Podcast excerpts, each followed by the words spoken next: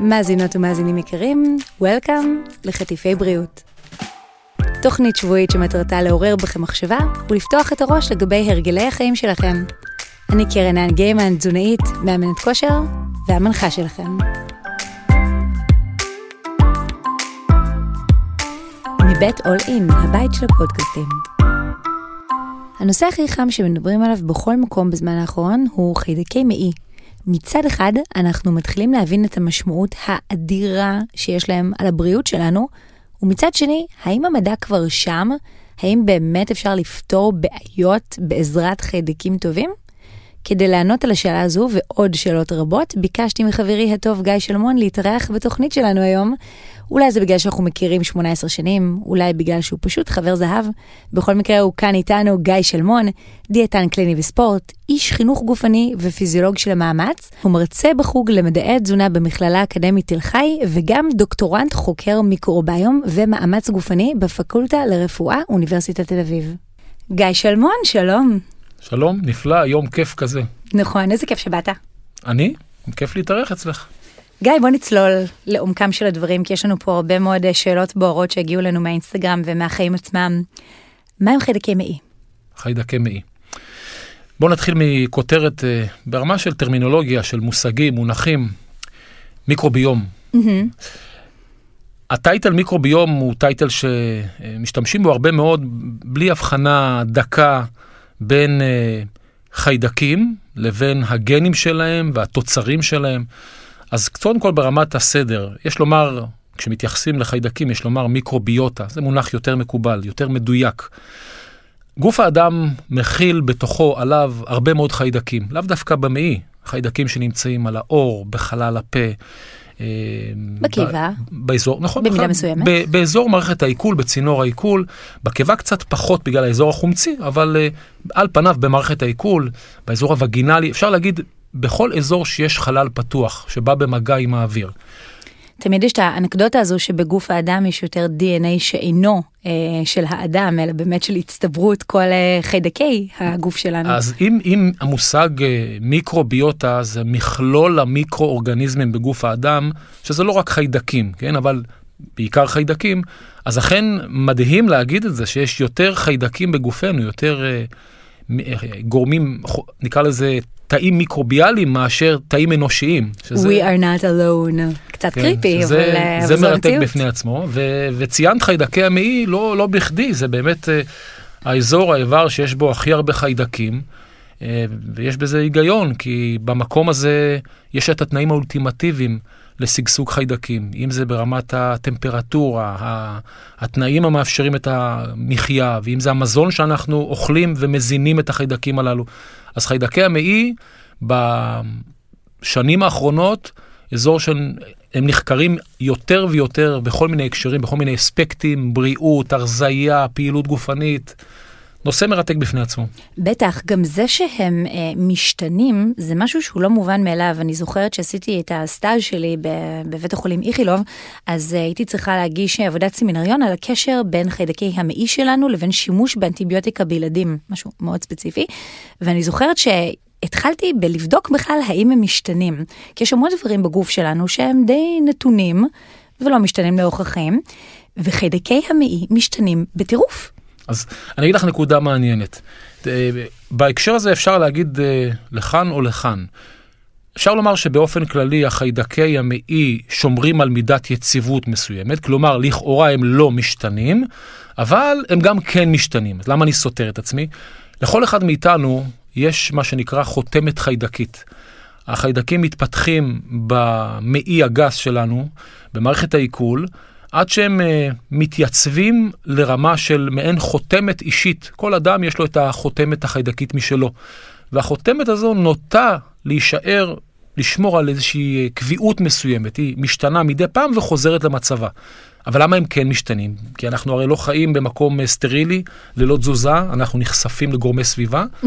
וגורמי הסביבה משפיעים, משנים. את הזכרת אנטיביוטיקה, אבל אפשר להזכיר גם תזונה שגורמת לשינויים, ופעילות גופנית, ואפילו שינוי של מקום גיאוגרפי. את טסה מיבשת אחת ליבשת אחרת. כלומר, הרבה מאוד גורמים מסביב משפיעים לנו על סביבת המיקרוביוטה, על חיידקי המעי, אז כך שהסביבה היא גם קבועה וגם משתנה, ועולה פה שאלה מעניינת, אה, איזו מניפולציה צריכה להתרחש, מה עוצמתה או מה אורכה בחשיפה, כדי שהחותמת הזו אולי תשתנה למשהו אחר.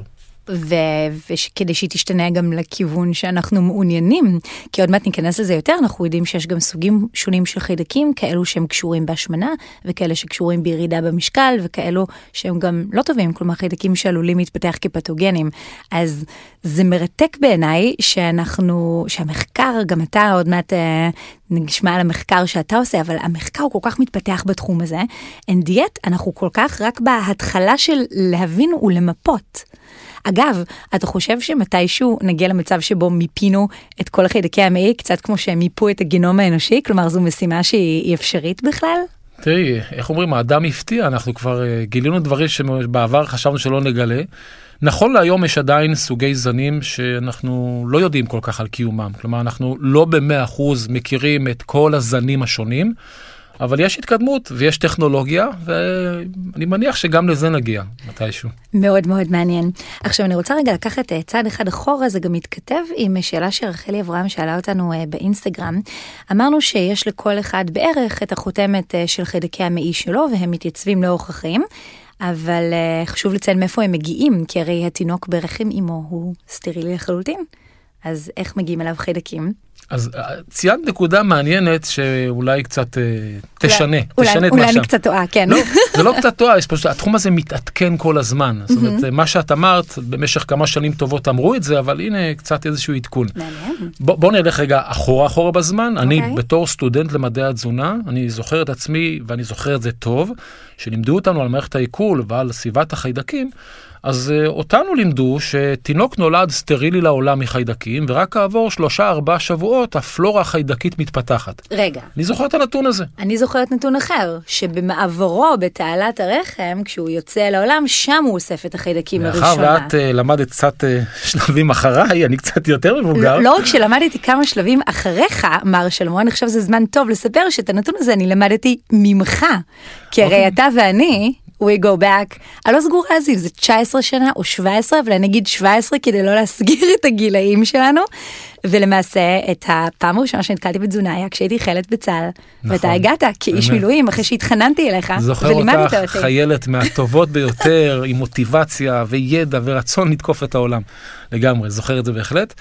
אה, אז, אז אם אני חוזר לנקודה שלנו, כן, אז אני זוכר את זה, זה מדובר פה הרבה שנים אחורה בזמן.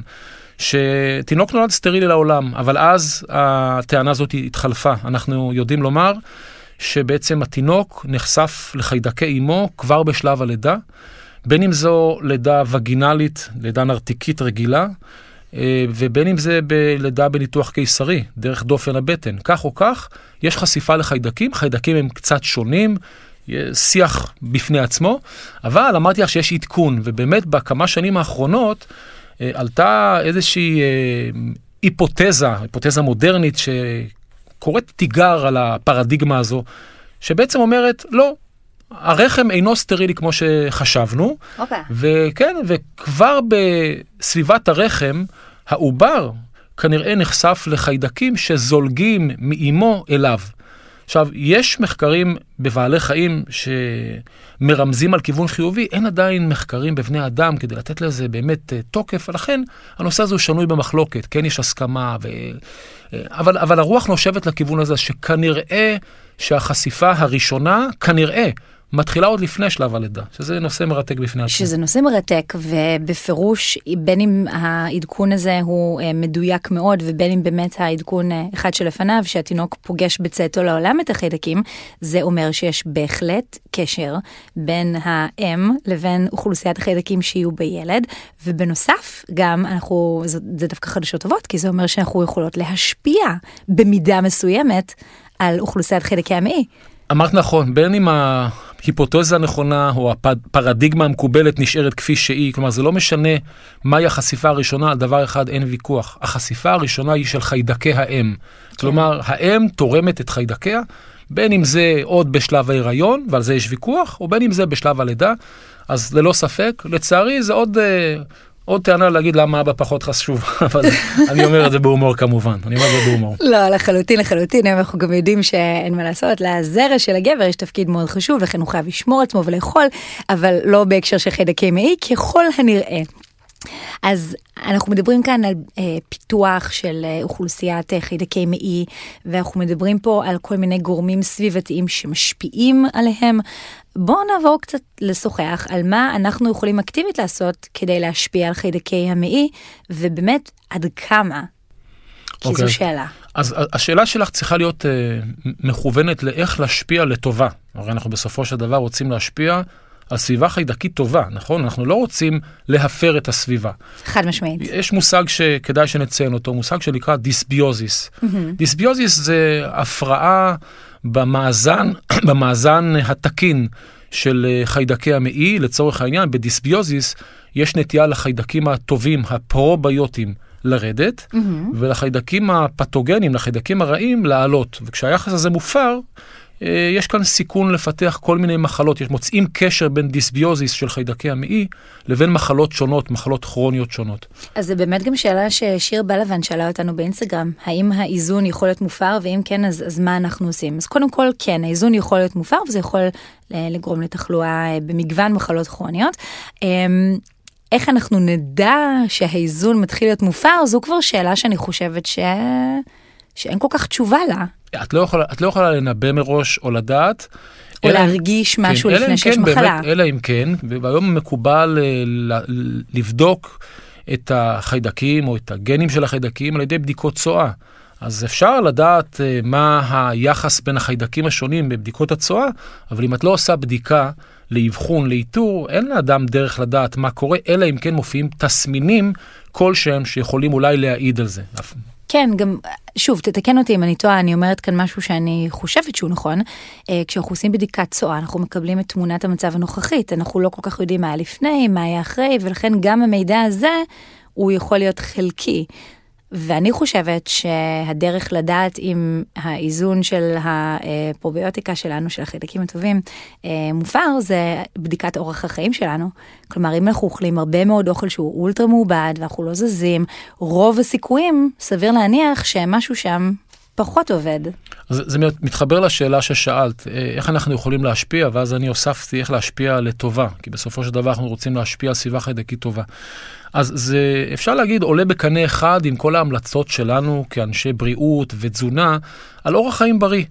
אמ, לעשות פעילות גופנית, זה משפיע לטובה, עוד מעט נשוחח על זה. Mm-hmm. מעניין שתזונה שהיא עשירה בירקות ופירות, דגנים מלאים, דווקא מטיבה עם סביבת חיידקי המעי. בטח. ובהקשר הזה אפשר לציין את הדיאטה הים תיכונית.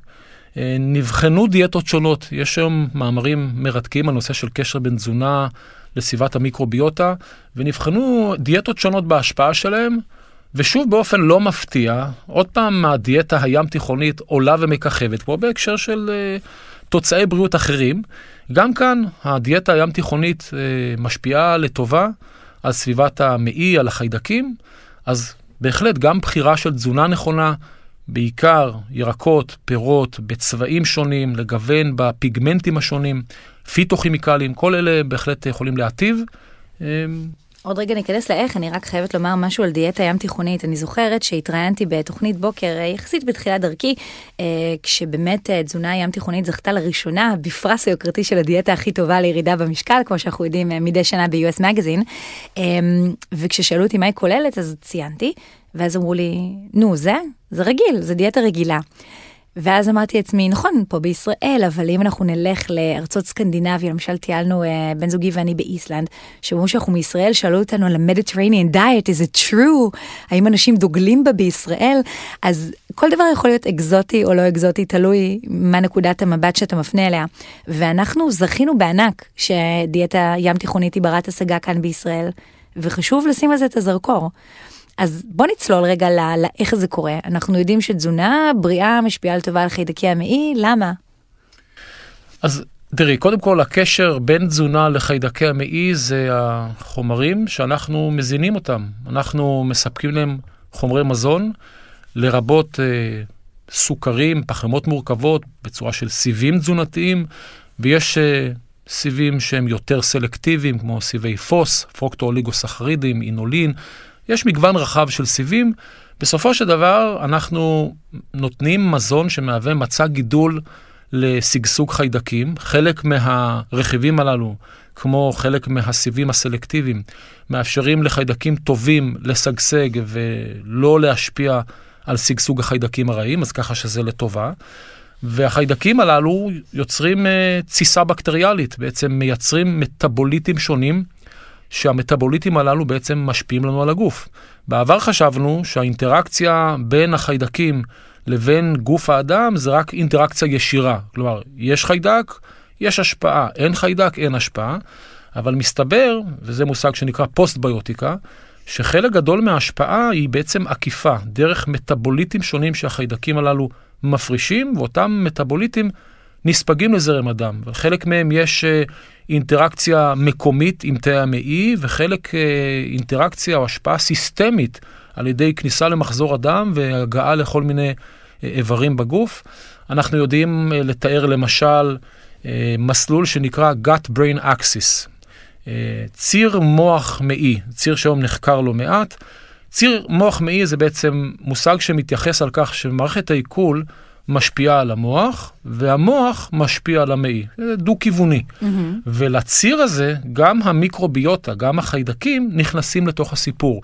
החיידקים לא אמורים לעבור את דופן המעי ולהגיע אל המוח, אבל מטאבוליטים שלהם, תוצרים שלהם, כן יכולים לעשות את זה.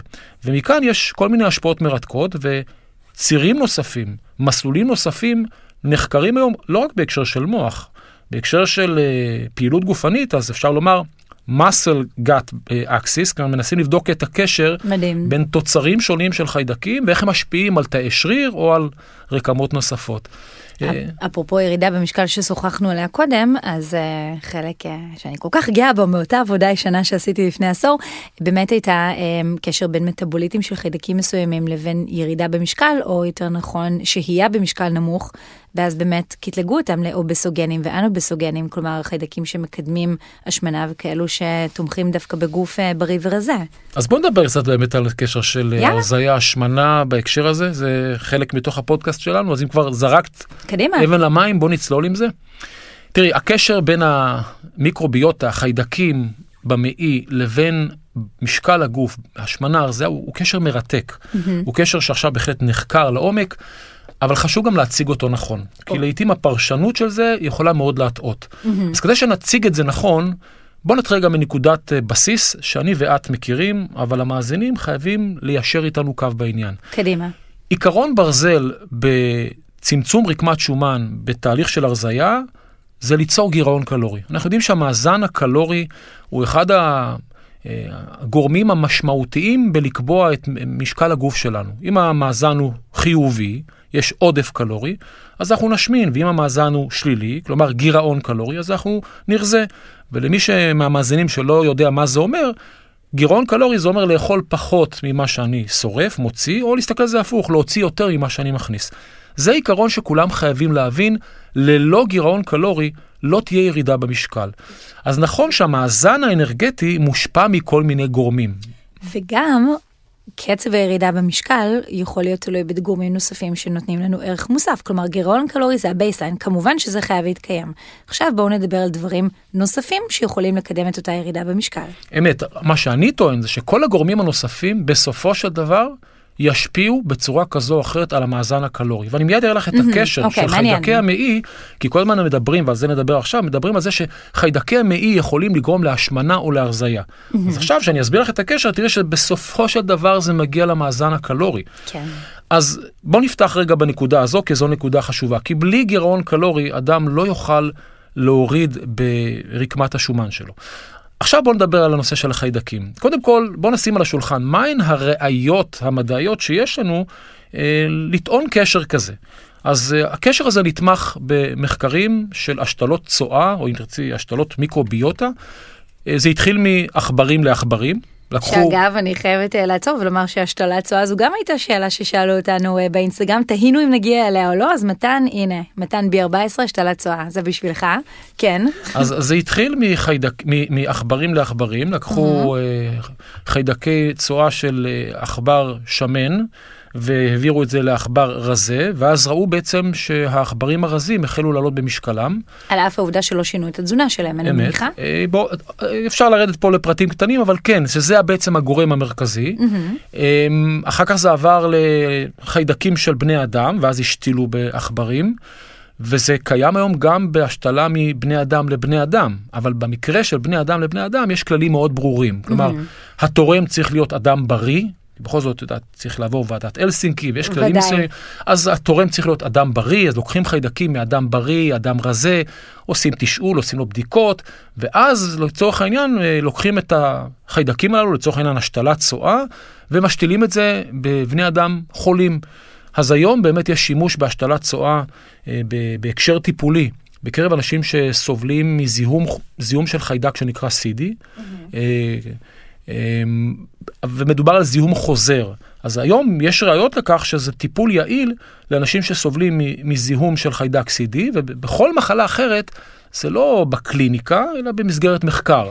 ודאי. אז אנחנו נחזור אחורה לאותם עכברים שנתנו להם בעצם אה, חיידקי מעי של עכברים שמנים, וראו שאותם עכברים רזים עלו במשקל בעקבות אותה השתלה. יופי, אז על פניו יש לנו מן את הראיות, הללו, שבעיקר הראיות מגיעות מעבודות על עכברים, שאנחנו רואים את השינוי במשקל. ואז אה, נשאלה שאלה, מה, מה המכניזם? מה יכול להיות ההיגיון מאחורי העניין הזה? והמחקרים המכניסטיים מראים לנו מסלולים מעניינים, כי כמו שאמרתי לך, בסופו של דבר זה חייב יהיה להגיע לנושא של מאזן קלורי. אז מה אנחנו בעצם משערים שקורה על בסיס אה, עבודות מחקר אה, במעבדה? אנחנו אה, מבינים שחיידקים יכולים להשפיע על אה, הצריכה הקלורית. לצורך העניין. אה, יכול, יכולים להגביר תחושה של שובע. אני אתן לך דוגמה, אנחנו יודעים שחיידקים במעי יכולים אה, לייצר חומצות שומן קצרות שרשרת, כמו בוטרט, פרופויונט, אצטט. בוטרט, לכל מי שקורא מחקרים, הוא כוכב מאוד גדול כתוצר של חיידקי מעי. נכון, אז, במ- המון. אז במקרה של בוטרט יש לו השפעה גם מקומית בתאי המעי וגם אה, סיסטמית. אני אתן לך דוגמה של השפעה מקומית שהופכת להיות סיסטמית. אה, בוטרט, מסתבר, יכול לעורר הפרשה של הורמון שנקרא PYY, פפטיד YY, את מחייכת כי את מכירה. אני מחייכת אה, לשרה שלימדה אותנו על אה, כל ה-PYY, כן. גלילין, לפטין, שאגב היום זה שגור, אנשים מכירים את ההורמונים האלה. נכון, אז זה, זה. זה, זה, זה בעצם הורמון פפטידי בנוי מ-36 חומצות אמינו, הוא מיוצר בתאי מעי, יש תאי אנדו, תאים אנדוקרינים ייחודיים נקראים תאי L, L cells, והתאים הללו מפרישים את אותו הורמון. ההורמון הזה מופרש כתוצאה מחשיפה לבוטרט בכמות יותר גדולה, וההורמון הזה, מופרש של אדם, מסוגל לעבור את ה-BBB, מחסום דם מוח, ולמעשה שם לעורר תחושה של שובע, להפחית תחושה של אה, רעב. אז הנה לך דוגמה שבעצם הגברת תחושת רעב מקטינה את הצריכה הקלורית, והנה שוב הגענו למאזן הקלורי. למאזן הקלורי. זו דרך אחת. דרך שנייה, אגב, רק אנקדוטה, היום יש אה, תרופות מאוד מוכרות שעושות בדיוק את הדבר הזה, פעולה על מנגנון רעב ושובע, ופה אנחנו מדברים על פוטנציאל של הגוף שלנו לעשות את הדבר הזה בעצמו, שבעיניי זה mind blowing. הבעיה שאנחנו לא רואים את זה לנגד עינינו, אנחנו לאו דווקא עושים משהו אקטיבי, פיזי, כמו להזריק משהו על מנת שזה יקרה, והרבה פעמים נוטים אה, לבטל את היכולת המופלאה של הגוף שלנו לעשות דברים כאלו. כן, מעניין. בדיוק בשביל זה אתה כאן. אז, אז כן. זה, זה מסלול אחד אפשרי, שזה בעצם ז- זנים מסוימים של חיידקים במעי עלולים בעצם ליצור תוצרים שישפיעו בסופו של דבר על תחושת שובע או תחושת רעב. מסלול שני מתקשר להוצאה האנרגטית. יש תוצרים שגורמים להפרשת הורמונים, במקרה הזה גם כן PYY קשור להוצאה אנרגטית. אה, נחקר פחות בהקשר הזה, אבל יש על זה עבודות. אז אה, יכולה להיות הגברה או הפחתה בהוצאה האנרגטית, ואז שוב אנחנו חוזרים למאזן הקלורי שמושפע מסביבת חיידקי המעי, ונצרף לזה עוד מסלול אחד, שמתקשר בסופו של דבר גם כן למאזן האנרגטי, זה ניצול מרכיבי המזון במעי, ואני אסביר למה אני מתכוון. אנחנו הרי אוכלים מזון, שומנים, חלבונים, פחמימות, אנחנו מפרקים אותם במערכת העיכול, מעכלים אותם, ואלה נספגים למחזור הדם, ואנחנו מנצלים מהם בעצם, מפיקים מהם אנרגיה. אבל לא כל מה שאנחנו אוכלים מתפרק ונספג למחזור הדם. יש קשר, מסתבר, בין המיקרוביוטה במעי לבין זמינות, ספיגה של רכיבי מזון. Mm-hmm. לדוגמה, אנחנו יודעים שזנים של חיידקים, למשל אני אציין אה, פירמיקוטים, שיכולים ליצור אה, טרנספורמציה של, אה, של מיצי מרה, של חומצות מרה. והרי חומצות מרה הן חיוניות בשביל לעכל שומנים. אז אם יש איזשהו שינוי בחומצות המרה, אז יכולה להיות השפעה גם על מידת ספיגת השומנים. ספיגה גבוהה יותר או פחותה. אז הנה לך קשר לדוגמה לאכילת מזון, והמיקרוביוטה יכולה להשפיע על מידת הניצול של אותם מרכיבים לספיגה והפקת אנרגיה. אז בשורה התחתונה בהחלט יכול להיות קשר בין תזונה, סביבת חיידקי המעי, לבין משקל הגוף שלנו. אז יש מחקרים מכניסטיים שמראים את התוצאות הללו. יש מחקרים בעכברים, בעלי חיים, ששם קל להוכיח את זה, כי אפשר לקחת היום במעבדה עכברים סטרילים מחיידקים, לגדל ממש עכבר mm-hmm. ללא חיידקים, ואז להוסיף לו את החיידקים הספציפיים שאנחנו רוצים. בטח. אבל עם בני אדם זה לא ככה, את מבינה? עם בני אדם ודאי, זה מכל שונה. מכל הסיבות הברורות. וזה הופך את העניין הזה לקושי, כי הפוטנציאל למיקרוביוטה, קשר בין מיקרוביוטה להרזייה, השמנה, הוא פוטנציאל קיים. אי אפשר להגיד שהוא לא נכון. אבל את יודעת, אני, אנחנו כדיאטנים בסוף צריכים לחנך את הקהל שאנחנו צריכים להסתכל על הפאזל השלם. אנחנו לא יכולים להסתכל על החלקיק בתמונה, נכון? אנחנו צריכים לזכור שכל חלקיק בונה את הפאזל. הנטייה שלנו, בני האדם, זה כל פעם להאיר את הזרקור על חלקיק אחר ולהגיד, הנה, זה הכי חשוב. ודאי, עכשיו, אתה יודע, בוודאי, ו- ואגב, לא סתם, כי רצון להיות בריא ולרדת במשקל ולחיות חיים אה, שלמים ו- ובאיכות גבוהה. זה, זה משהו שאנחנו מאוד מאוד רוצים להשיג. כולם, אין אף אחד שלא. ולפעמים זה מאוד קשה, ויש כאלה שמאוד מאוד מאוד קשה להם. אז כמובן שתמיד אנחנו רוצים להיאחז במשהו. כלומר, אני בטוחה שאחת מהשאלות שעולות עכשיו בראש למאזינים שלנו זה, אוקיי, אז מי הם אותם החיידקים מתוך כל חיידקי המעי שעושים את הדבר הזה, והאם אני יכולה לקפסל אותם, לצרוך אותם ולהטיב עם uh, מצבי? זה כיוון המחקר היום. אבל רגע לפני שניגע בנקודה הזו, כדי שאני אסגור את מה שאמרתי, ודאי. בסופו של דבר אנחנו צריכים להבין, החלקיק בפאזל הוא חשוב, אבל הוא לא הכי חשוב. צריך להסתכל על כלל החלקיקים, כי הפאזל השלם כולל את כל החלקיקים וכל חלקיק חשוב.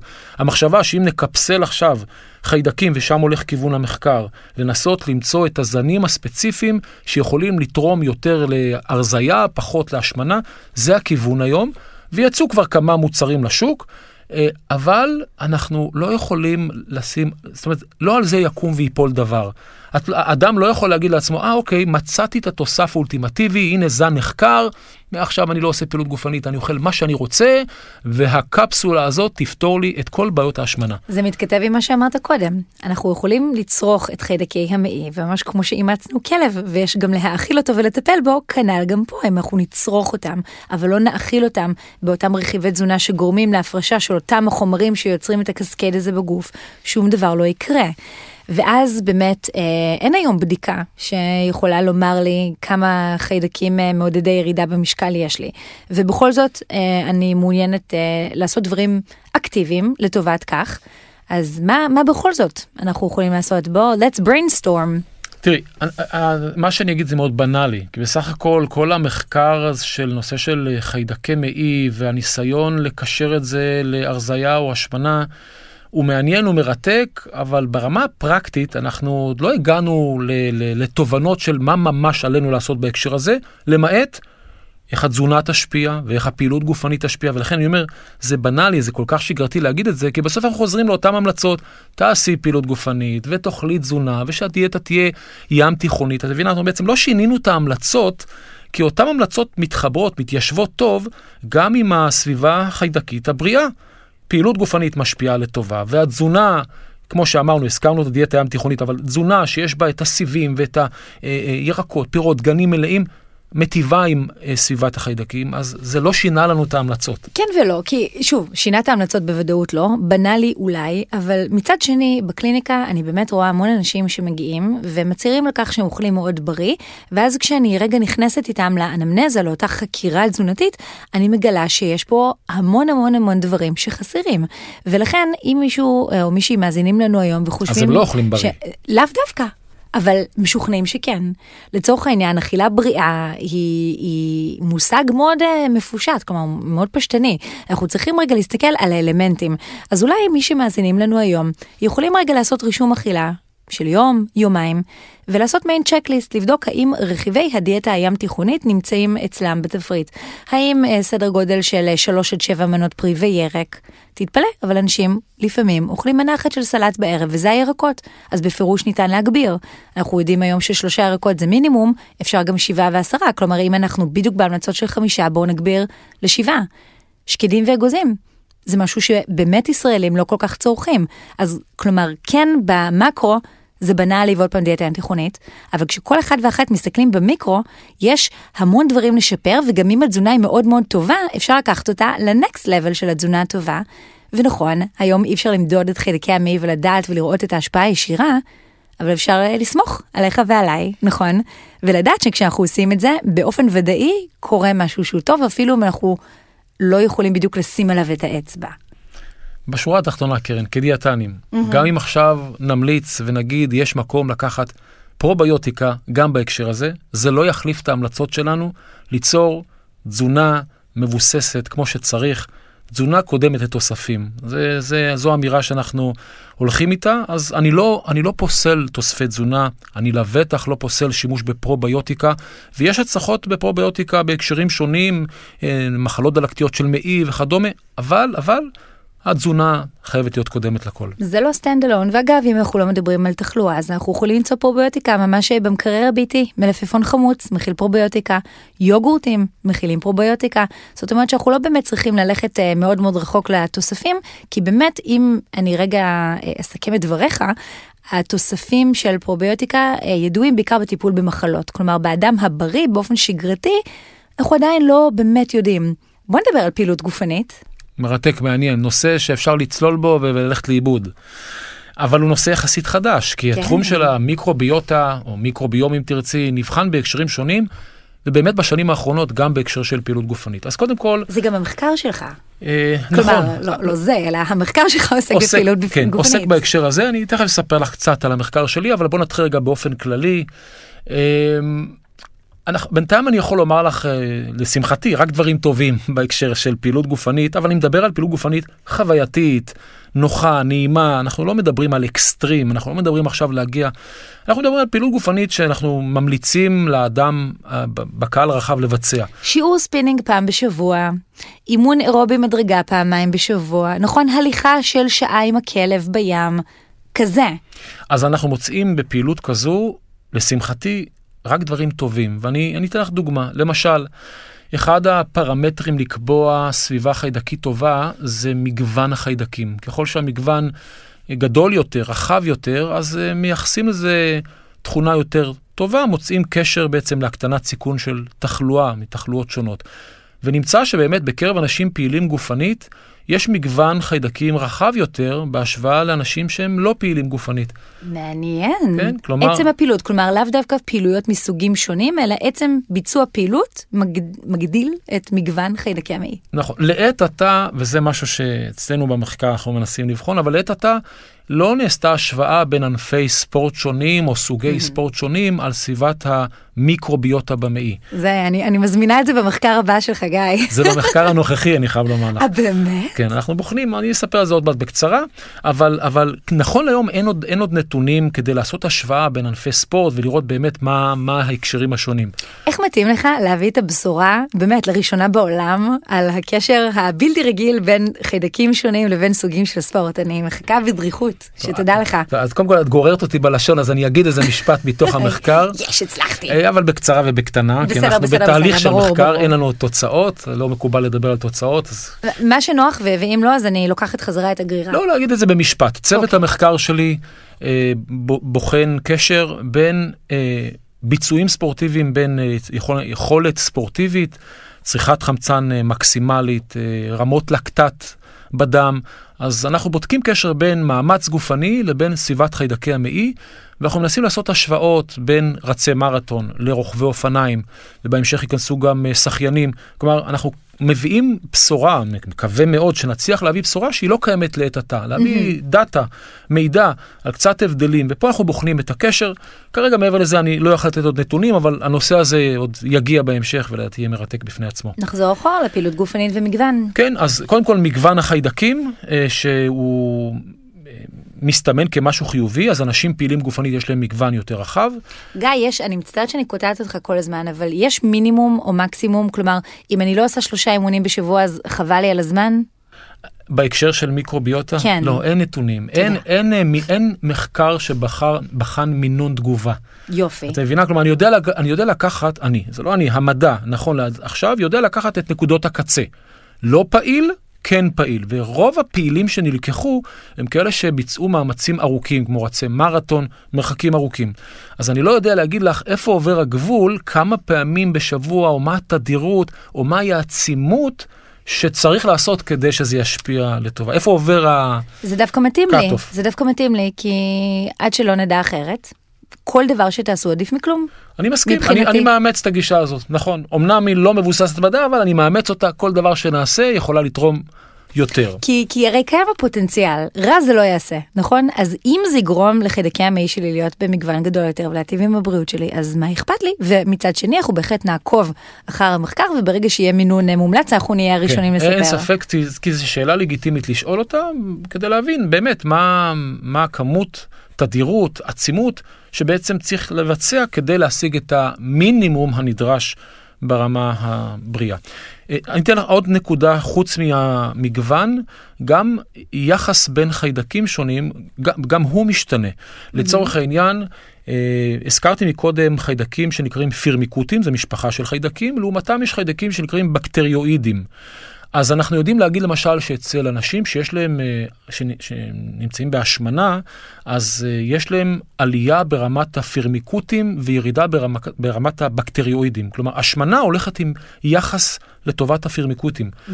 וכשיורדים במשקל, או שבוחנים אנשים רזים, אז מוצאים רמה נמוכה של פירמיקוטים ורמה גבוהה יותר של בקטריואידים. כלומר, היחס משתנה. ומסתבר שגם פעילות גופנית עושה את זה. גם פעילות גופנית משפיעה על היחס בין המשפחות חיידקים הללו, וזה עוד סיבה להראות בעצם קשר בין פעילות גופנית, דרך גורם מתווך של חיידקי המעי, והקטנת סיכון של מחלות שונות. ואולי נקודה אחרונה כדי לסגור את הפינה, אה, פעילות גופנית יכולה לגרום לשגשוג של זנים מאוד ספציפיים, שהיום הזנים הללו נחקרים. Mm-hmm. אנחנו לא יודעים כל כך להגיד הרבה על כל זן וזן, אבל מסתבר שלדוגמה, אם דיברתי על רצי מרתון, אז בקרב רצי מרתון נמצא שיש חיידק ספציפי, ויונלה אטיפיקה, שהוא אגב אחד הזנים שאנחנו חוקרים במחקר, שהוא מתבטא בכמות יותר גבוהה אצל רצי מרתון ומתבטא בכמות נמוכה אצל אנשים לא פעילים. זו שאלה מעניינת, למה? מה קורה שם ומה ההשפעה של זה? אז אין ספק שאנחנו בפתחו של אה, מדע מרתק, הנושא של קשר בין פעילות גופנית למיקרוביוטה. גם המון פעמים שואלים אותי למה חוקרים רצי מרתון, כי באמת קל יותר להראות הבדלים בנקודות קיצון, לא פעיל ומרתון. זה לא אומר שאנשים שהם פעילים במידה טובה שהיא איננה מרתון, התהליך הזה לא קורה, אבל כמובן שבמחקר אנחנו רוצים להראות שינויים דרמטיים. אז באמת מתחילים מאותם רצי מרתון ואיירון מנים מסתבר, ואחר כך זה ישליך לאוכלוסייה הרחבה. כלומר, כן שווה להעריך מחקרים כאלו אפילו אם אנחנו לא בקהל היעד. ואגב, משהו מאוד מעניין שרגע מחזיר אותי לתחילת השיחה שלנו על אה, הריון, לידה וחיידקים אה, בקרב התינוק שנולד.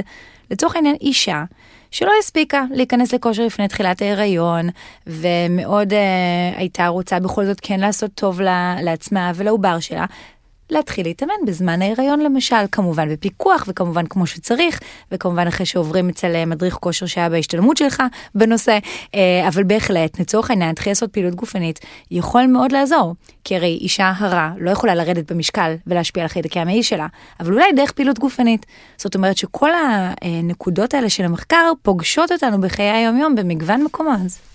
נושא מרתק, כן, אני, זו היפותזה מעניינת, עוד אין, אין אה, ממצאים שאפשר באמת ל, ל, להוכיח את הקשר הזה, אבל זו היפותזה הגיונית, הייתי אומר. זהו, אז זה בדיוק הנקודה, אנחנו לא עובדים כאן על אה, מחקרים שמראים לנו באופן חד משמעי, כי אנחנו עוד לא שם, אבל מצד שני, אם אני רגע לוקחת מהדברים שלך ומנסה אולי איכשהו, אה, זה שאמרת שזו היפותזה מעניינת, כבר נותן לי את התוקף אה, להמליץ אה, לעשות פעילות גופנית.